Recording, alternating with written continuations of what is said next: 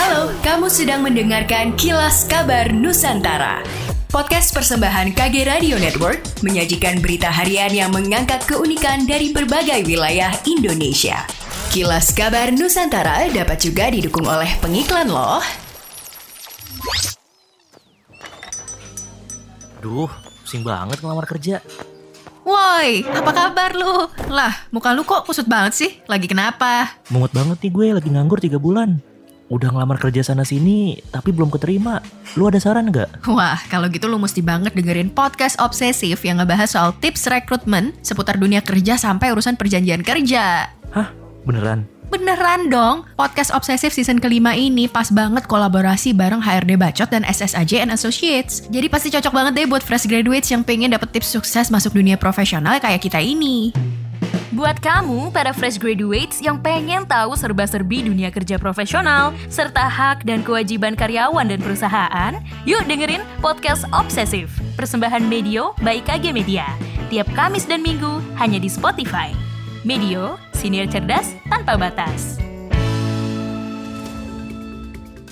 Pemerintah Provinsi Sulawesi Selatan mulai mewaspadai penyebaran hepatitis akut yang penyebabnya belum diketahui. Antisipasi dilakukan dengan pengetatan di pintu-pintu masuk ke Sulawesi Selatan. Menurut PLT Kepala Dinas Kesehatan Sulsel Bahtiar Baso, pihaknya telah berkoordinasi dengan berbagai pihak untuk mencegah masuknya hepatitis akut misterius tersebut, khususnya melalui bandara dan pelabuhan. Koordinasi tersebut juga telah diikuti dengan surat edaran oleh Gubernur Sulawesi Selatan Andi Sudirman Sulaiman ke instansi terkait agar melakukan pengawasan pengawasan terhadap penumpang maupun masyarakat yang melewati dua pintu masuk tersebut. Petugas diminta memantau penumpang dengan melihat gejala yang ada.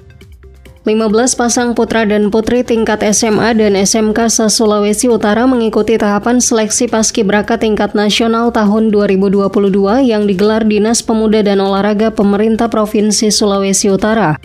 Sekretaris Daerah Provinsi Sulut Asiano Gemikawatu yang hadir saat pembukaan seleksi paskibraka mengatakan, Tahapan seleksi dilakukan dengan ketat melibatkan tim juri dari berbagai unsur. Kawatu mengharapkan siswa-siswi yang sudah dipercayakan menjadi peserta seleksi paskibraka tingkat nasional dari Sulawesi Utara benar-benar mengeksplor kualitas diri agar mampu menjadi yang terbaik sehingga mengharumkan nama Provinsi Sulawesi Utara di tingkat nasional.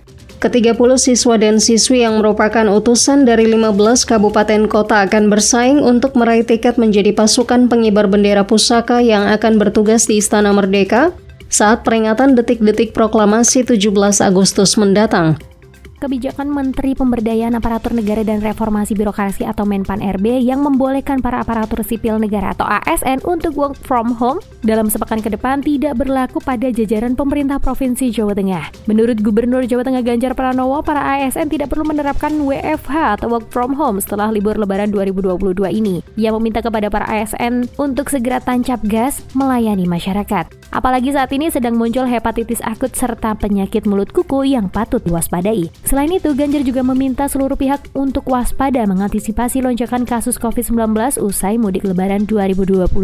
Salah satunya dengan kembali mensosialisasikan protokol kesehatan. Demikianlah kilas kabar Nusantara pagi ini.